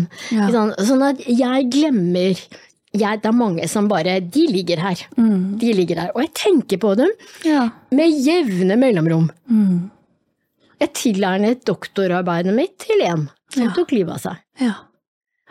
Så fint, egentlig. Men Ja, det kan jeg godt si litt om, fordi Ja. jeg vet jo hvordan psykologer og andre syns det er vanskelig å jobbe, og særlig når en pasient tar livet av seg. Det står til Kristine. Kristine tok livet av seg da hun var min pasient. Mm.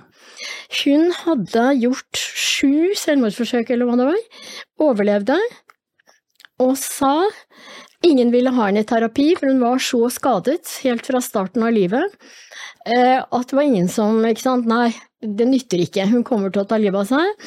Og så til slutt, og jeg, jeg jobbet jo i kommunehelsetjenesten, og vi diskuterte jo på sykehus, og til slutt så syntes jeg det var så Og så ble jeg spurt, da, så sa jeg nei, altså alle andre sier jo at hun det, er, det går ikke å hjelpe henne, hun er ja. Eh, og så tenkte jeg jeg kan, ikke, jeg kan ikke si det nå. Da hadde jeg sagt nei et år eller noe, kom hun inn igjen da. Altså, ok. Da kan jeg si ja til å snakke med henne. Og så i første samtale så sier jeg jeg vet, jeg vet jo om alle forsøkene dine, jeg vet uh, om hva du har vært igjennom, uh, jeg har lest journalen på sykehuset eller blitt informert, og jeg vet ikke om jeg kan hjelpe deg til ikke å ville ta livet av deg. Men hvis det er greit for deg, og hvis du ønsker, så kan jeg være en samtalepartner for deg. Og så begynte det å gå bra. Mm. Hun eh, begynte å studere, hun hadde egen leilighet, hun hadde en støttekontakt. Eh, og da tenkte jeg å, å, pass deg nå, pass deg nå, Mm. ikke sant, begynner å gå bedre, Mm. kan få energi til å ta livet av seg, så jeg spurte, Mm. jeg tok det opp. Og, og da husker jeg liksom, du, Gudrun, hold opp da, nå må du slappe av da, du ser vel at det går bedre. Mm. Så hun skjulte. Mm. Hun skjulte til den dagen hun tok livet av seg. Ja. Og så etterpå så lurte jeg på om jeg måtte slutte i dette feltet. Det var tydelig at jeg, dette klarte jeg ikke. Akkurat. Så du mistet fikk helt troen på alt. kjempereaksjon. Ja. Jeg kan ikke være psykolog engang. Jeg er jo helt idiot. Så jeg gikk Ja, gjennom. du var gjennom en skikkelig krise, ja, da. skikkelig. Jeg var så lei meg. Jeg følte meg så dum og uegna. Og så snudde jeg det. Mm. Jeg tenkte ok. Ja, da vet du hvordan det er å på en måte være etterlatt òg, da, på Ja, mange ja, måter. det- du hadde jo en annen rolle. si. Jeg fikk en kjempereaksjon. Jeg var jo så glad i den jenta. Uh, og så tenkte jeg nei, nå skal jeg gjøre det omvendte. Nå skal jeg, dette skal bli mitt felt for resten av livet. Mm. Nå skal jeg lære. Det var før jeg ble stipendiat. Da. Så nå skal jeg gjøre alt jeg kan så jeg ikke kommer i denne situasjonen en gang til, og hjelper andre fagfolk. Mm. Nå må vi lære. Ja, Og det ble jo drivkraften. sant. Ja, Derfor det, uh, stipendiattilværelsen kjempeslitsomt og kjempeinteressant, og hele tiden mm. jeg må lære mer. så det var på en måte et vendepunkt for deg, på Ja, det, det, da bestemte jeg meg skikkelig. Mm. Såpass skylder jeg Kristine. Ja, Ja. sant. Ja. Så du har henne fortsatt med deg? ja, det har jeg. Mm. Tenk, jeg, tenker, jeg tenker mye på henne. Mm. Jeg gjør det. Ja. Fint, men samtidig veldig sårt og vondt.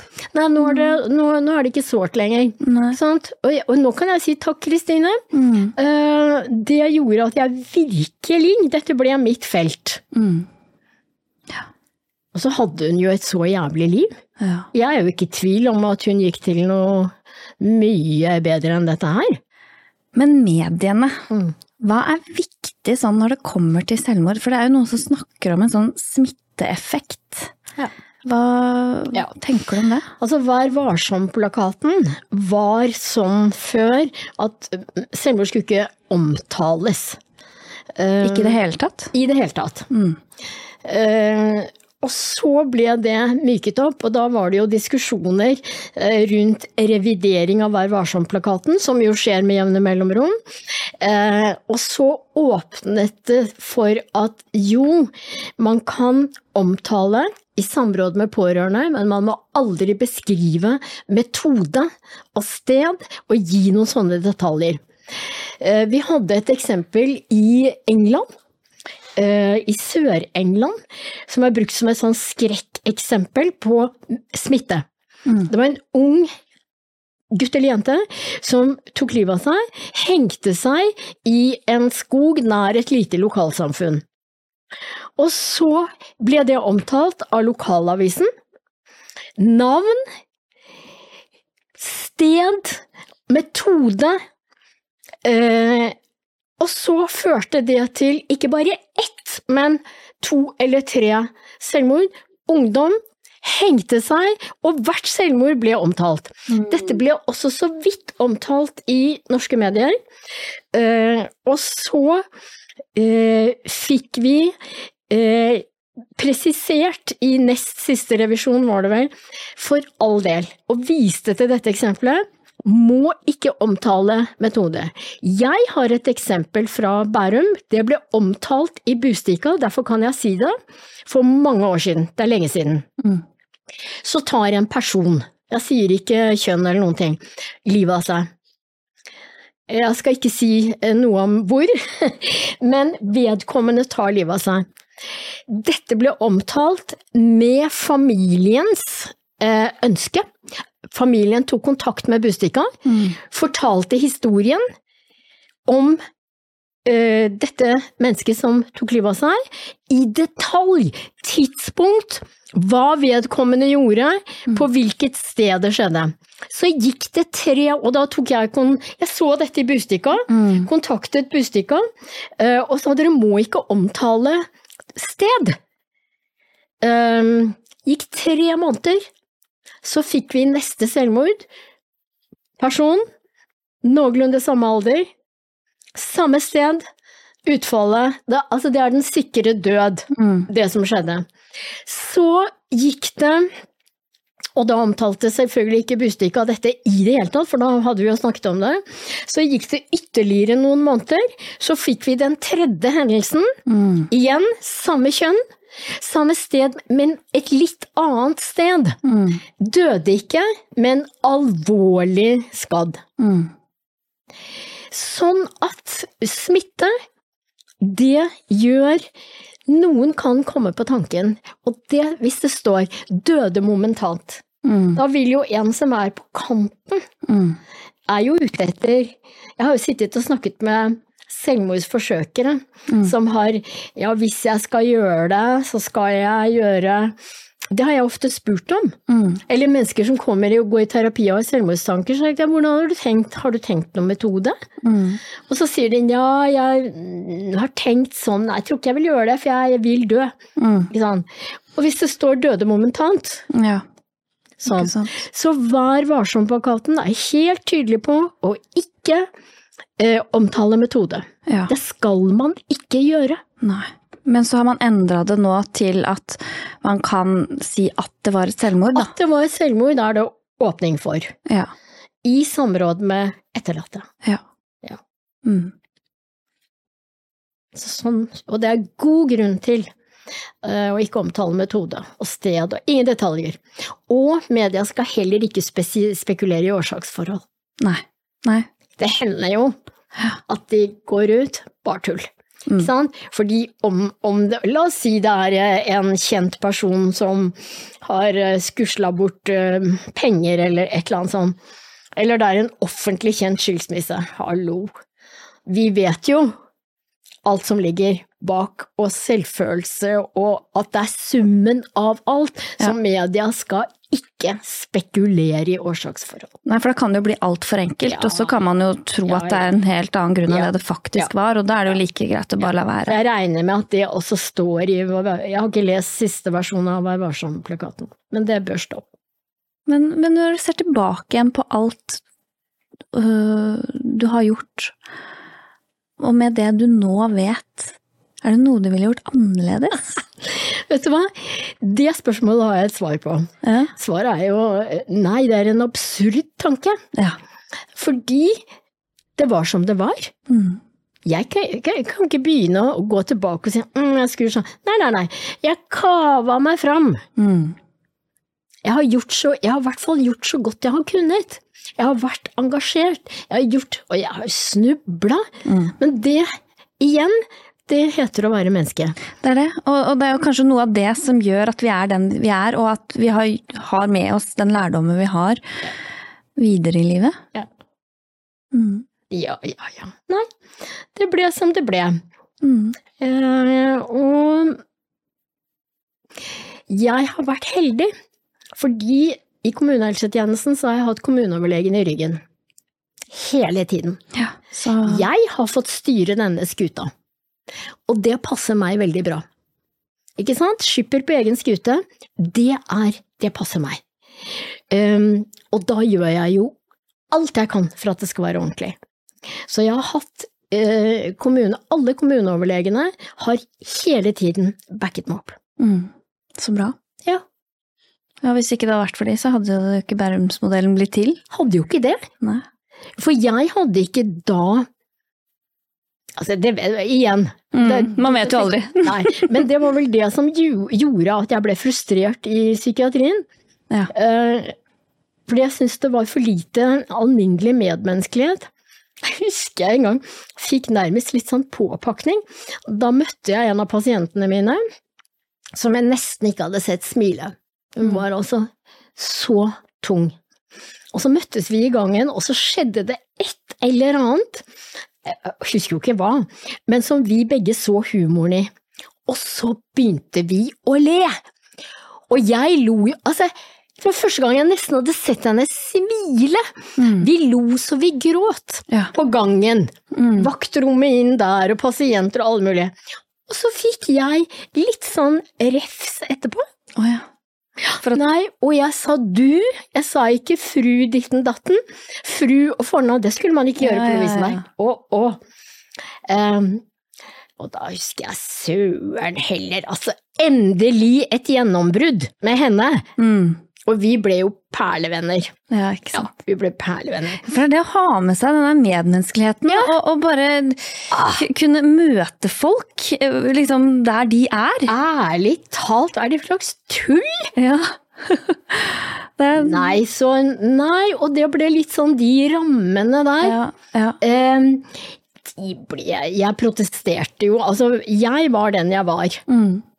Jeg kunne ikke gå rundt i hvit frakk og si de fru Hansen, det var ikke snakk om. Mm. Du skulle helst gå med hvit frakk og si de og sånn. Nei, men jeg oppførte meg pent, det er ikke det altså. Nei, Men jeg tillot meg jo litt sånn små ah, Vet du hva. Ja. Så for meg var det jeg, må, jeg husker jeg tenkte jeg må ut av psykiatrien før jeg tar skade på min sjel. Store ord, Mm. litt drøyt, men jeg hadde en sånn Dette orker jeg ikke. Nei. Nei, det var jo veldig bra da, at du kom deg Ja. ut av psykiatrien og inn i selvmordsfeltet. Bra for meg, og dra, bra for saken. Klart det. Ja, du har jo virkelig eh, gjort mye for mange, og jeg tenker jo at eh, jeg er veldig takknemlig for at du har gjort den jobben. Og så lurer jeg på, hvordan er det for deg nå å være eh, på en måte tatt, hva skal jeg si, lukka det kapitlet i livet og, og startet pensjonisttilværelsen sånn på ekte? Ja, jeg har vært så heldig da, at jeg har fått fortsette. Ikke sant? Jeg er jo, jeg er jo en gammel dame, jeg er 78 år. Og jeg satt jo og skrev på Bærumsmodellen helt til årsskiftet. Mm. Ikke sant? Og eh, 2022 ble da skriving. Mm. 2021 var jo da veiledning og litt saker og sånn. Så jeg har jo Og jeg trengte den tiden, for når du har stått på barrikadene og jobba så intenst, eh, så trengte jeg også eh, å runde av Men hadde ikke mannen min dødd i 2017? Da hadde jo vi planlagt pensjonisttilværelsen. Ja. For meg var det fantastisk å ha en jobb å gå til, Mm. i og med at jeg mistet han så brått. Ja. Det var jo redningen. Eh, Så jeg er bare så takknemlig. Og når jeg nå fikk runda, og du kom Ikke sant? Så kunne jo jeg bare slappe av etter innkjøringsperioden der vi jobba parallelt. Kjempefint. Eh, og nå, nå, nå har jeg nettopp vært i Danmark sammen med kjæresten min og tatt av presenningen på vår gamle, nyinnkjøpte båt. Sånn at um, Og jeg har to barnebarn, snart tre. Altså, det er fantastisk. Ja. Jeg har flotte barn og sviger, to sønner, svigerdøtre og snart tre barnebarn. Mm. Jeg har ikke tid til å jobbe igjen nå. Nei, nei. Nei, og jeg er ferdig med det. Ja, Jeg er ferdig med det. ja.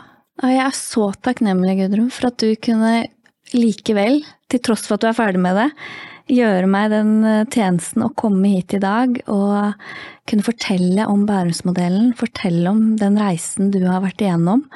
Og så unner jeg deg virkelig en fin pensjonstilværelse videre. Og så, ja, så jeg tenker, eh, passer det å runde av her, eller er det noe mer du liksom Nei, tusen takk. Eh, Jeg sa jo først nei, og jeg, vil, jeg har fått forespørsler om å holde foredrag, bla, bla, bla. Nei, det vil jeg ikke. Men grunnen til at jeg sitter her, det er jo deg. Det er ikke, det er ikke feltet, liksom, for det er jeg ferdig med. Men det er deg, Silje. Ja. Så lykke til. Takk. Jeg har full tiltro til at dette klarer du så bra. Du, du, du har det som skal til. Takk. Ja, Dette går bra. takk. Det setter jeg veldig, veldig pris på, Gudrun. Så ja, takk for at du ville være med i min nye podkast Snakk med Silje. Det var veldig hyggelig, Silje. Ja.